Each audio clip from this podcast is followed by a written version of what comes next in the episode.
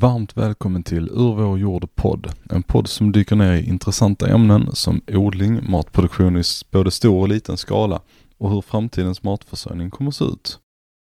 Så är det ju. Sen finns det mer, vissa som är mer eller mindre. Och där har jag till exempel... superfoods. Och vi använder många som kallas ibland för superfoods. Ingefära, gurkmeja. Ja, men säg typ i ingefära, det känns som att det kan få gott i ganska mycket. Gurkmeja är en sån sak som jag äter varje dag, men. som jag inte tycker om. Nej, exakt. Alltså, så här, det, det är ju inte, det är inte nödvändigtvis gott med gurkmeja ifall du inte, jag kan guldmjölk ibland, jag har i det currys, jag liksom har i kapslar med svartpeppar och jag säger samma, det är roligt. För, för um, vi använder färskgurkmeja. Och den färskgurkmeja vi använder, och när jag går ut och går marknad, jag måste verkligen sälja in det till folk. För annars, de flesta, vissa vill pröva det för de har hört det är nyttigt. Men för den smakens skull, folk inte tror att den kommer smaka gott. Vår gurkmeja smak är faktiskt min favoritsmak. Från smakens perspektiv. Och det är för att vi använder färsk gurkmeja och det har en helt annan karaktär än torkade gurkmeja. Det är lite som basilikum. Du kan köpa torkad basilikum men jag fattar inte varför. För det har ingen av den smak som man är ute efter när man äter basilikum. Däremot kurkuma, eh, gurkmeja, turmeric in English, de nyttiga ämnen, de huvudnyttiga ämnen, det är många ämnen i kurkuma som anses kan vara aktiv, men kurkumin, den är lika aktiv och tillgänglig, vilket är egentligen inte så tillgänglig, men det påverkas inte mycket genom torkning. Så den torkade pulver är ganska nyttig och egentligen vill du ha mycket kurkuma i dig, äh, gurkmeja, förlåt jag var i Tyskland senast. ja, men det är ju kuk- kukumin. Ku- Ja, kurkuma kallar de det för i tyska. Men vill du ha mycket av det, då är det bättre att konsumera den torkade variant. Men den färska variant har en väldigt angenäm smak. Så jag tycker den kombucha, och det är många andra som efter ett tag märker också att den är en väldigt, väldigt god smak. Men det är roligt att du nämnde det, för jag äter också uh, uh, uh, gurkmeja varje dag än har gjort det för nästan 20 år. I ganska stora mängder, så jag tar en jättestor matsked av det varje dag med lite peppar för att öka biotillgänglighet av det. Men det smakar inte gott. Jag gillar inte det. Jag gör det varje dag och jag har gjort det varje dag sedan länge. Och jag, började det för jag skadade både knä i olika sporter. Och när jag såg, och jag har haft kirurgi på korsband i, i båda knä. En, en med skidor, en med fotboll. Och så möjlighet för mig att utveckla arthritis senare i livet är väldigt hög.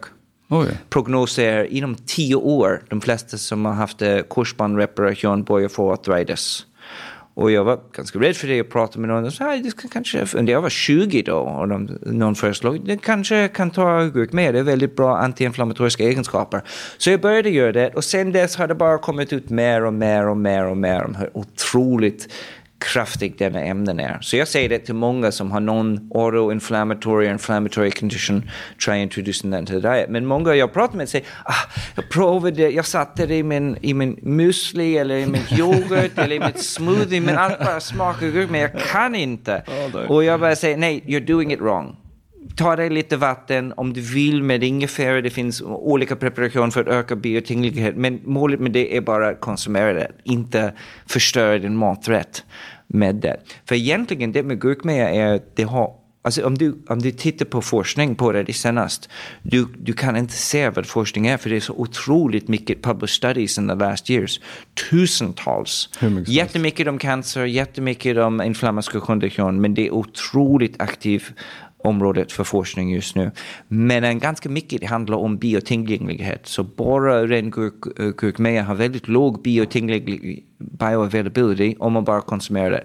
Äter man peppar med det, det ökar jättemycket. Men eh, det är därför jag, jag äter ganska mycket av det. kom, kom ganska mycket av eh, liksom, mycket studier kring eh, covid också. Alltså just med, för i Indien i början så blev inte utbrotten lika stora och då började man kolla på vad det som kan vara anledningen till det. Och så började man göra då massa studier. Då trodde man att det var, men de äter mycket peppar, eh, svartpeppar eh, som har piperin i sig och sen med någon form av eh, adaptogen eh, som då skulle vara ashwagandha eller gurkmeja som är antiinflammatoriskt. Och sen så får de, inte i sig, eller så får de i sig mer zink. Eh, och de tre tillsammans kan hjälpa att transportera in zink i cellen, eh, vilket då ska vara bra eh, för att liksom skydda mot virus, virussjukdomar och så vidare. Eh, det finns ju hur mycket som helst om eh, just, eh, just gurkmeja och det där är en sån, eh, en, en av de grejerna som, som jag trycker på folk. Att ät, ät, ät gurkmeja, ät svartpeppar, det gör alla, men peppra på lite till på all mat du gör för att det, bara, det, det hjälper att förstärka alla näringsämnen egentligen, eh, just piperinet, hjälper att förstärka det mesta. Eh, och sen liksom såklart typ så omega-3, någon, någon, form av bra typ av olja. Eh, men tror du att det är det som är med, med typ då kombucha? Alltså för det känns ju som att så som kombucha började så känns det som att det, är så här, det var en ren hälsogrej. Och det var typ som ett alternativ till vinäger. Jag menar äppelcidervinäger ja, har funnits ja, som natural remedy sen Rom. remedy sen jättelänge. Du ja. kan fitta bok en glass apelsinvinäger är botemedel för allt. Ja, men jag, jag läste en sån bok om typ så här rom, romartiden och det var precis det. Det var liksom ta, ta äppelcidervinäger och så läker det mot precis ja, allting. Eh, men tror du att i, idag känns det ju som att Folk blir mer och mer medvetna om hälsa, folk blir mer medvetna om liksom vad de stoppar i sig. Men tror du att kombucha är liksom en hälsogrej som folk dricker? Eller att det bara är nu att de faktiskt bara börjar tycka att det är gott och ett alternativ till läsk för att det ska vara lite nyttigare? Blandad, väldigt blandad. Alltså det finns verkligen true believers och det finns superskeptics. Och det finns många som bara ger det för smakens skull och vissa som bara konsumerar det för hälsans skull. Så det, det, finns en stor variation. Och det beror lite på landet och det beror lite på eh, uh, sektor. Jag tror många har fått en smak för det. Många. Jag tycker kanske 25 procent av folk gillar smaken kanske 25 till lite mer än det, 25, 30, 40 procent av folk gillar smaken direkt. De är jätteförtjusta i det. Det är lite mindre sött än en läsk, men det är uppfriskande. Det har en riktigt god uppfriskande smak. Det är kanske en annan tredjedel som är lite neutral och det är en tredjedel som är kanske lite negativ eller ibland ganska negativ till det direkt. Jag tycker vad är svårt där är att smak är så otroligt påverkad av hjärnan. Om vi förväntar en viss smak eller en viss upplevelse, det kommer påverka hur vi tar emot ett prövning av en ny produkt väldigt, väldigt starkt. Om jag kan introducera produkten till folk det är nästan alltid att folk gillar det direkt. Om jag inte gör det och de tycker de smakar en läsk, då tycker de att ah, det, det smakar nyttigt. Det, jag, jag, kan säga att det kan vara något bra för mig, men det, det, det smakar lite nyttigt. Men förvånansvärt små, många småbarn gillar det direkt. Så jag märker när jag gör marknader, gör tastings, jättemånga barn under 10 tycker om det direkt. Mm. Betydligt färre barn över 10 när de har blivit lite äldre, de har utvecklat en väldigt söt smak och de förväntar en söt smak från en bubblig dryck. Och det kan vara svårt att uh, distinguish de två upplevelserna. Men igen, när folk blir lite äldre eller lite mer öppet för att ta emot det. Så mellan 10 och 20 är den svåraste grupp, jag skulle säga, för att gilla uh, kombucha direkt. Gillar man läsk, om man vant, sig vid smaken vid läsk, läsk och saft och ja. sådana söta saker. Man behöver inte bry sig om någonting utan allting går att käka i vilka mängder som helst. Ja, ja det, det kan jag fortfarande. och jag, jag tycker vi som en samhälle till en viss del måste de-sweet our tastes. Och det, håller på att gå och det är lite därför kombucha har öppnat upp också. är att Vi är ute efter intressanta och goda smaker som inte framförallt sött. Det är barnslig. Och det var, kan man säga, det är en samhällsutveckling.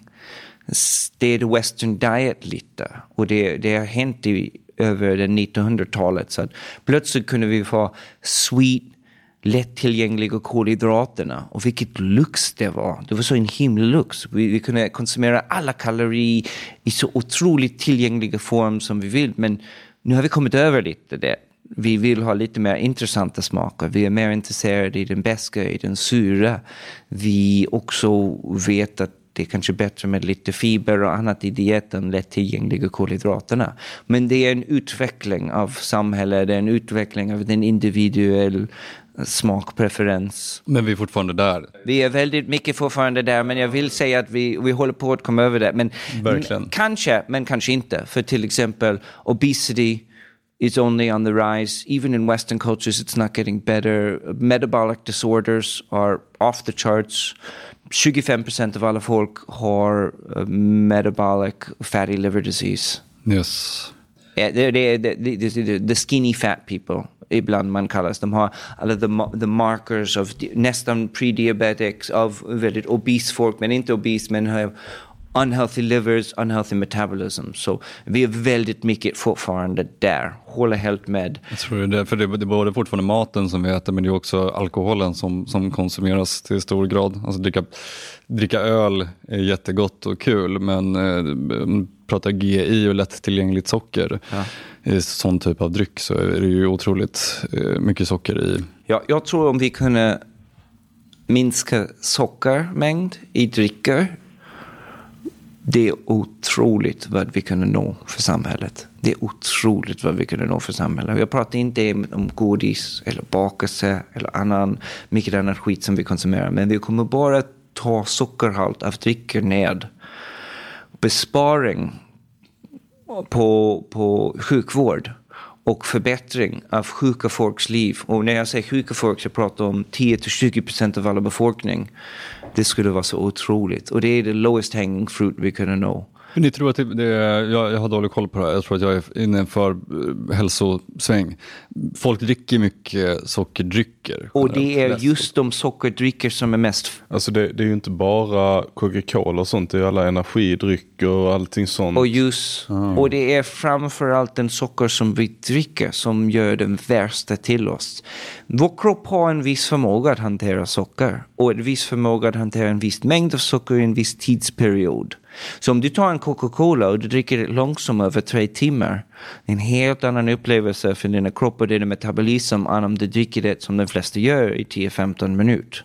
Den där pang av liquid sugar är det värsta för oss. Och det är inte dubbelt så dåligt, det är inte uh, dubbelt så farligt än att konsumera det, hälften av socker. Det kan vara tio dubbelt så farligt. Så det är många system i vår kropp som kan hantera en viss mängd socker innan man har gått till nästa kroppsprocess man kan säga. Så vår, vår tarm kan hantera en viss del socker utan att vår kropp ens ser det.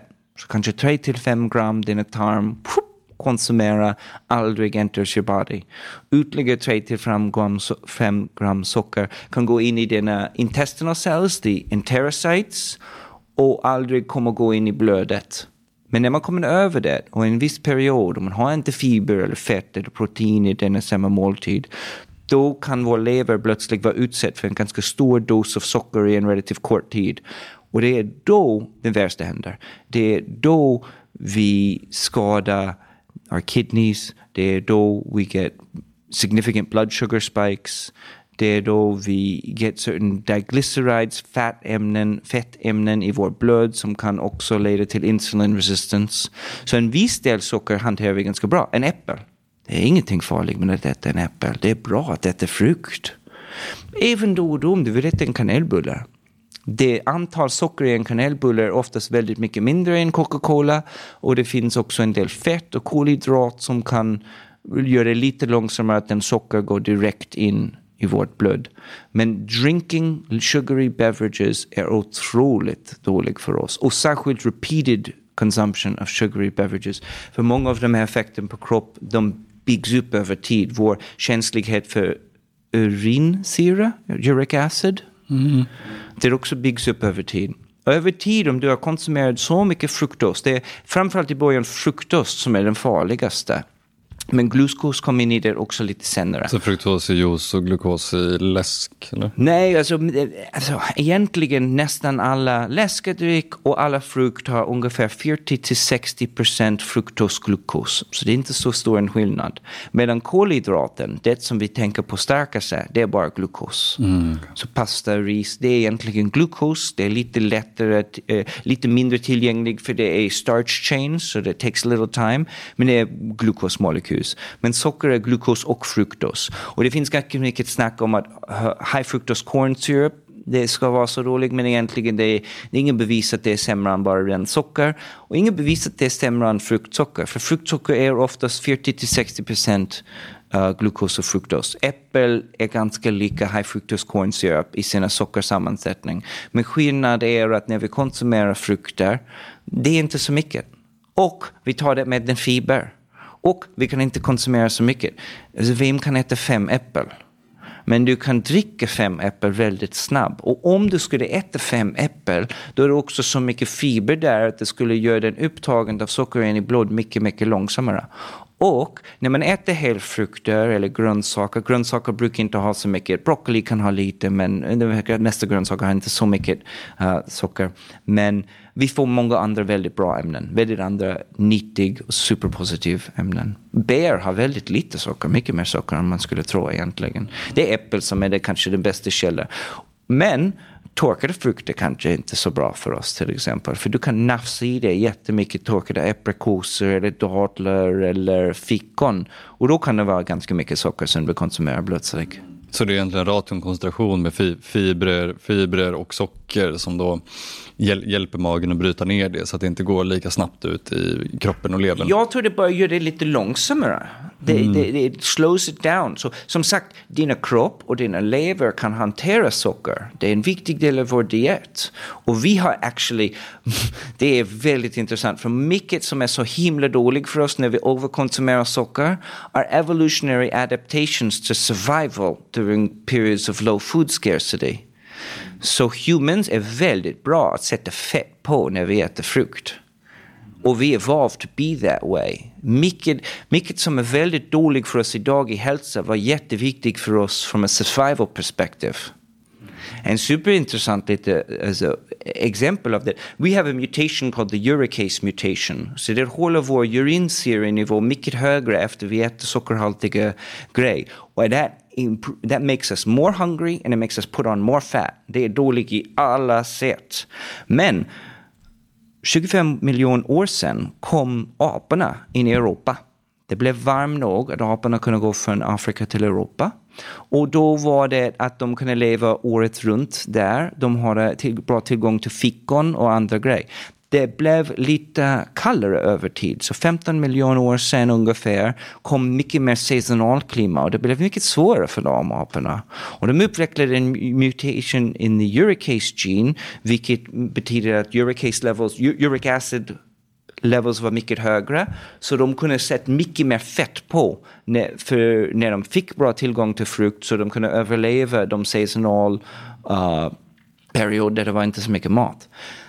Ungefär 10 miljoner år sedan det var inga mer apor i Europa, det hade blivit för kallt. Men bland de apstämmorna i Afrika, de aporna hade migrerat tillbaka till Afrika and that mutation then populated almost all of the primates that are existing today and we still have that today.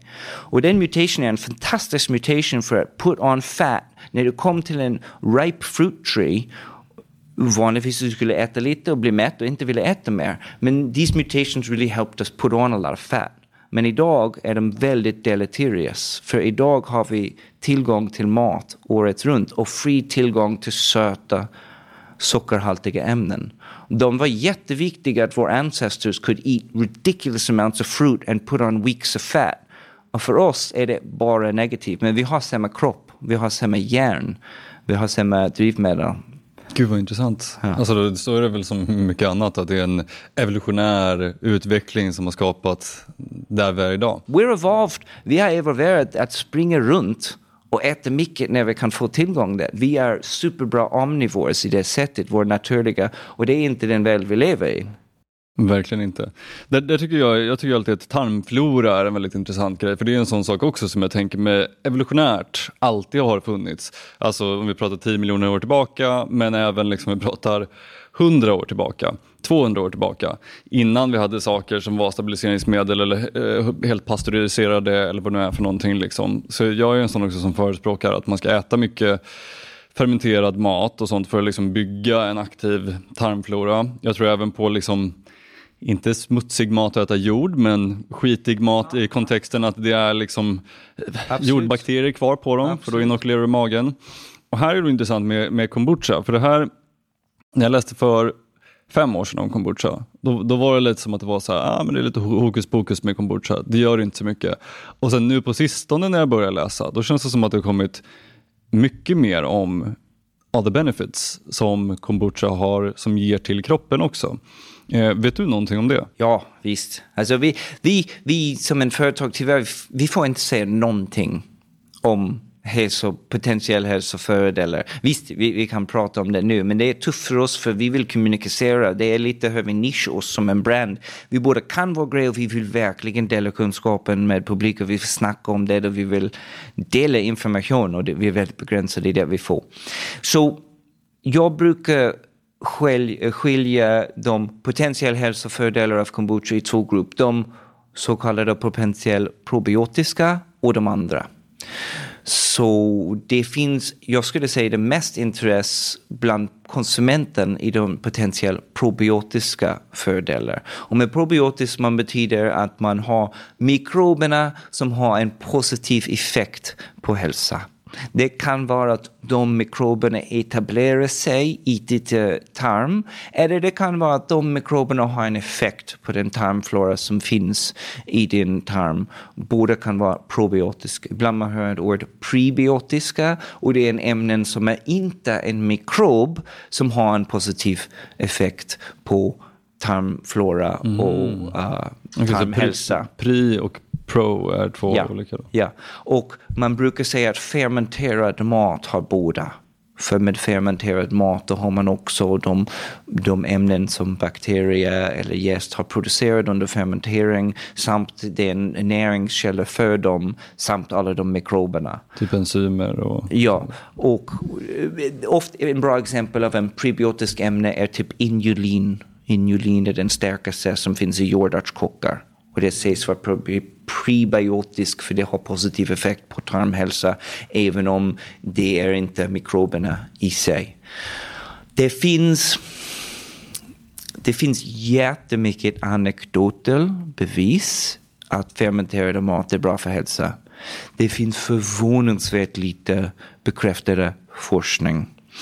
Och ibland är det för att det är svårt och ibland är det för att det inte finns pengar. Överhuvudtaget effekten av diet på hälsa. Om man tänker på hur välforskad human biology är och hur välforskad vissa läkemedel har varit.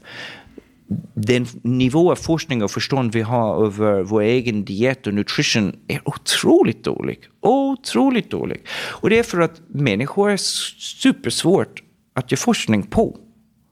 Det är fortfarande en jättestor debatt vad är effekten av köttkonsumtion. Vilket jättegrov och enkelt fråga. Men vi har, jag skulle säga, väldigt lite aning om det är bättre att vara vegetarisk eller köttändande. det Det finns jättemånga små studier här, bevis här, men ingen överhuvudtaget svar. Jättemycket detalj. När vi gör sådana frågor, vi, alltså en av de största forskning kring till exempel köttkonsumtion is a study of British nurses. Jättemånga tusen British nurses och det följer deras diet men det är completely full of confounding factors för att folk som äter mer kött gör mycket annat annorlunda än vegetariska folk och det är väldigt svårt att dela dem. Det är nästan omöjligt att ta två grupper folk och säga vi kommer ge er ni två olika saker but we're gonna blind it så ni vet inte vad ni får.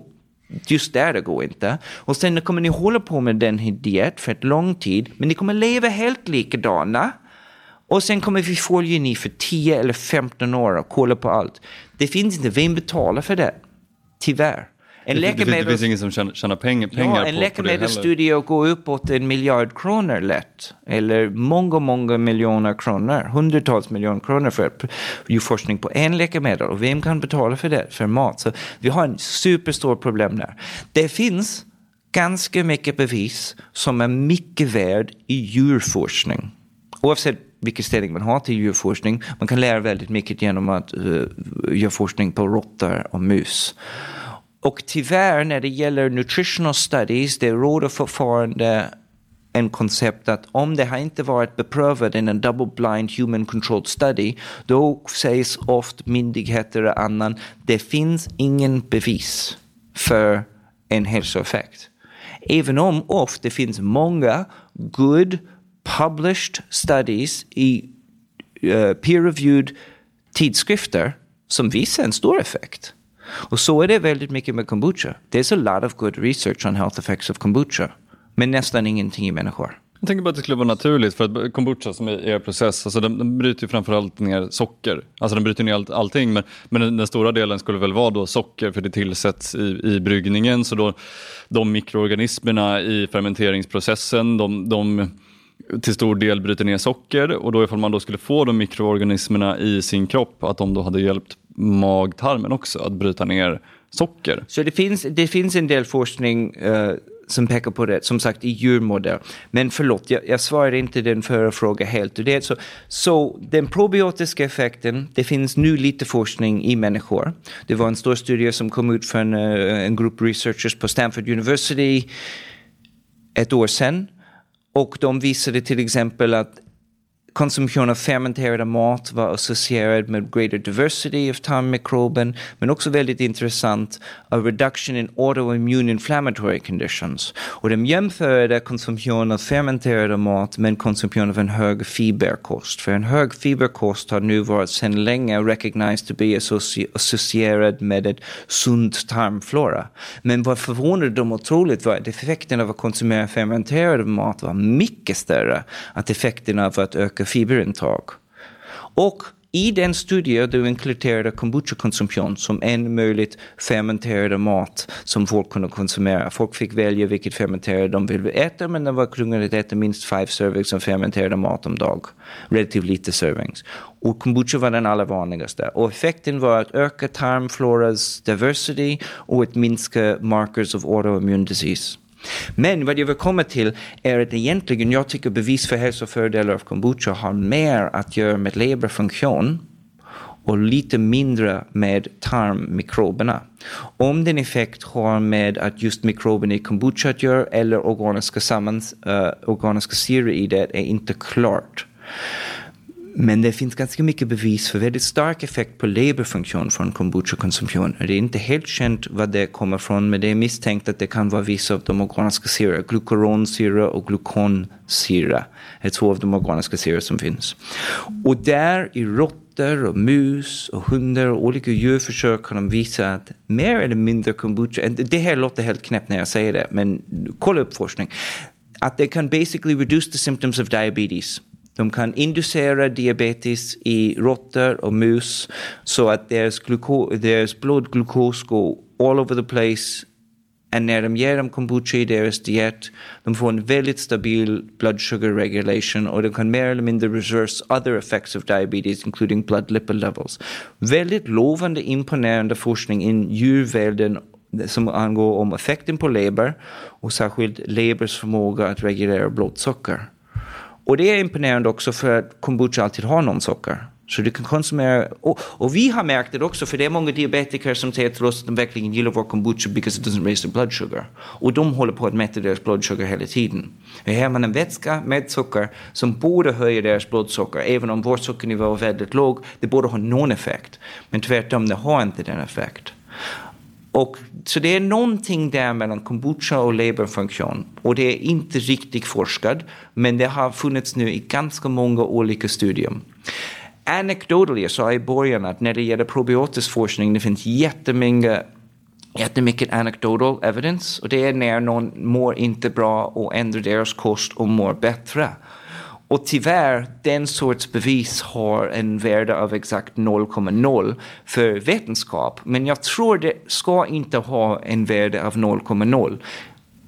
Allt som vi gör och vet före 1900 var genom sådana beprövning. Och det är really throwing the baby out with the bathwater att säga att det har nollvärde. Så många som har haft, och, och, nu vet vi att det finns, finns en stor ökning i samhället, i stor i western diet, western samhälle av a whole host of gastrointestinal distress. That's ulcerative colitis, Crohn's disease, uh, irritable bowel syndrome, sådana grejer, andra autoimmune things. Many on the rise. Och folk märker när de konsumerar mer fermenterad mat och många märker när de dricker kombucha att de mår bättre.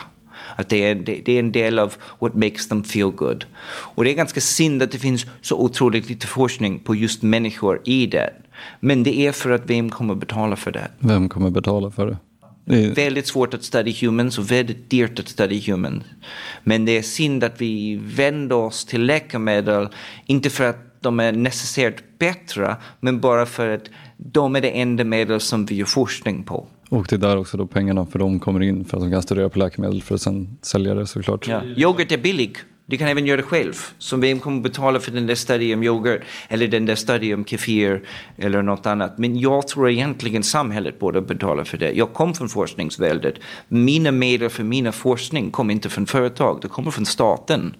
Så jag skulle gärna att staten gick in, kanske EU gick in med lite mer funding för good solid studies of dietary interventions. De håller på, men tydligen behöver vi mer forskning på just det. Det är det, men sen tror jag också att precis som du säger, mer och mer så börjar folk också testa de här olika sakerna själva som har de här olika autoimmuna sjukdomarna och börjar märka att det ändå händer någonting. Det kanske inte löser allting helt och hållet men, men att det är någonting som förbättras och att det påverkas på grund av att de äter eh, saker med liksom, gynnsam probiotika.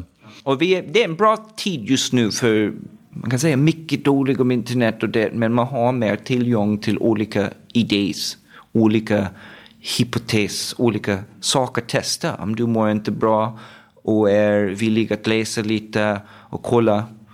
Man kan experimentera med många olika dietary interventions. Så jag tror det är en bra utveckling om man jämför det vi visste 20 år sedan.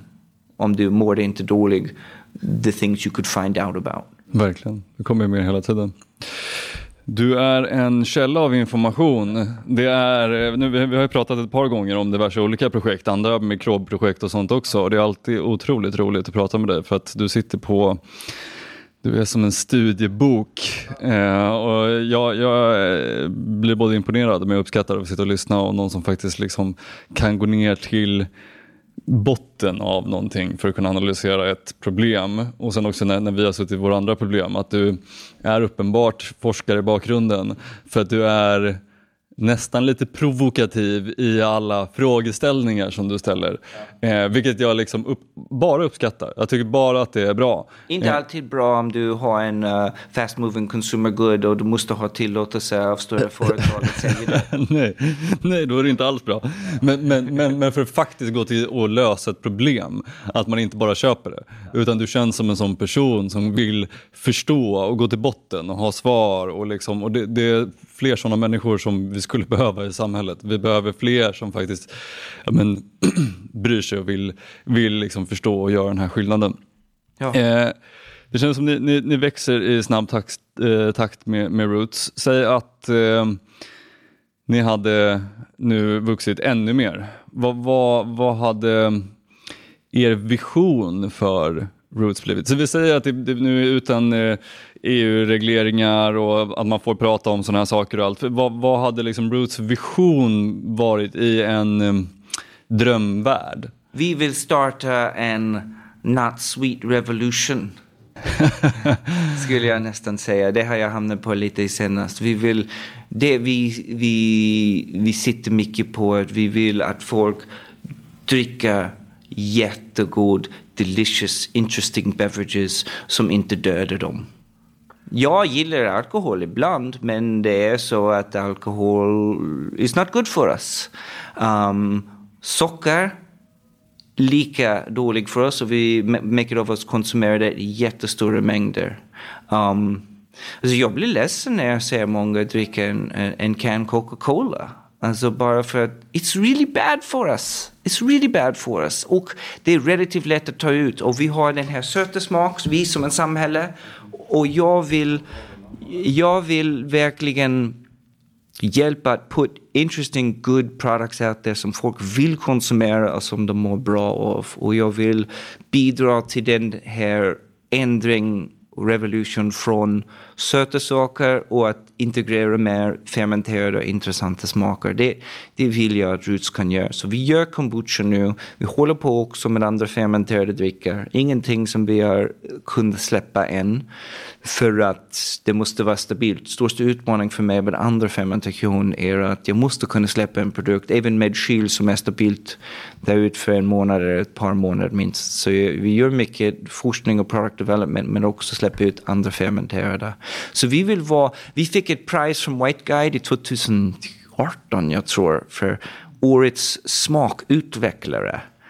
Och jag kände som vi måste fortsätta leva upp till det. Så nu har vi hjälpt ta olika kombucha-smaker till folk, men jag vill ta andra fermenterade drycker till folk och jag vill öppna upp sektorer för premium, superbra, färska drycker som har ingen baksida. Som är inte sockerbomb eller full av alkohol eller med något annat. Som är bara bra. De här win-wins. Och till den utsträckning att Roots kan öppna denna sektor, då tycker jag det är väldigt givande. Det är, det är viktigt för oss. Det är jätteviktigt för oss. Vi sliter oss alldeles för mycket på denna produkt för att inte tro att det är också bra för folk. Om det var bara en sockerläskande dryck, it wouldn't be worth the effort som vi alla, vi sex av oss lägger in i det varje vecka. Ja, så är det ofta med, med må, många gedigna och riktiga, riktiga hantverk av olika produkter. Liksom. Jag, tror att, jag tror att producenterna, för, för att orka så måste det finnas en annan drivkraft. Eh, för pengar är inte den första drivkraften man ens får när man håller på med sådana här saker. Liksom. Eh, utan det måste finnas någonting annat djupare som gör att man orkar att fortsätta eh, och göra någonting bättre. Eh, supercoolt. Var, var hittar man era produkter? Ganska många ställen. Så i Malmö är vi, det är vår hemmaplan. Så vi är i nästan alla Icas, vi är i alla Hemköps, flesta Coop. Så i de allra flesta dagligvaruhandel finns vi. Och många, många kaféer och restauranger runt stan. Två nyaste vi fick förra veckan, vi är Ramen Tubiri på Möllan och uh, Räckas ut mer åt uh, Limhamnshållet. Mm, hamburgare, hamburgare, hamburgare ja. Men det, det, det är två nyaste så det är därför jag nämner dem. För jag var där och gjorde första leverans förra veckan. Så, men vi är på ganska många kaféer och restauranger.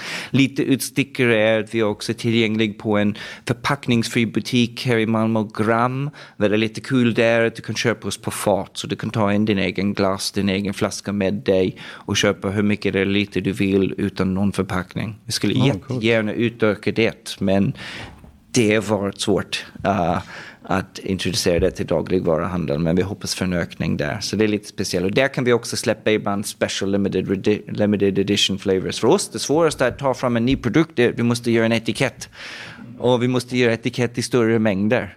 Så det är roligt när vi kan, vi producerar lite i fat och säljer det till en par restaurang. Men här kan man köpa i glas och där i fat kan vi göra väldigt små batches. Då kan vi verkligen leka med olika smaker. Ja, gud vad coolt. Ja, jag kommer garanterat ha det i min salladsbar senare också. Jag hoppas det. Eh, jag tror helt och hållet på. Ja, det kommer inte finnas någon läsk, läsk i den kylen kan jag lova. Eh, men då tycker jag att alla ska åtminstone ta sig till de här ställena. Eh, Gram är jättecoolt, men också bara prova kombucha, drick kombucha. Eh, och sen in på Instagram och följa på Roots Malmö heter ni på Instagram. Ja, Roots of Malmö eller Roots Kombucha. Roots kombucha. Ah, ja. En sak jag kan säga bara på det. Det finns många bra små kombuchabyggare och vi tycker det är jättebra för tillsammans kommer vi ja, introducera den här produkten till mer svenskar. Alltså, hälften av svenskarna fortfarande inte har hört av kombucha.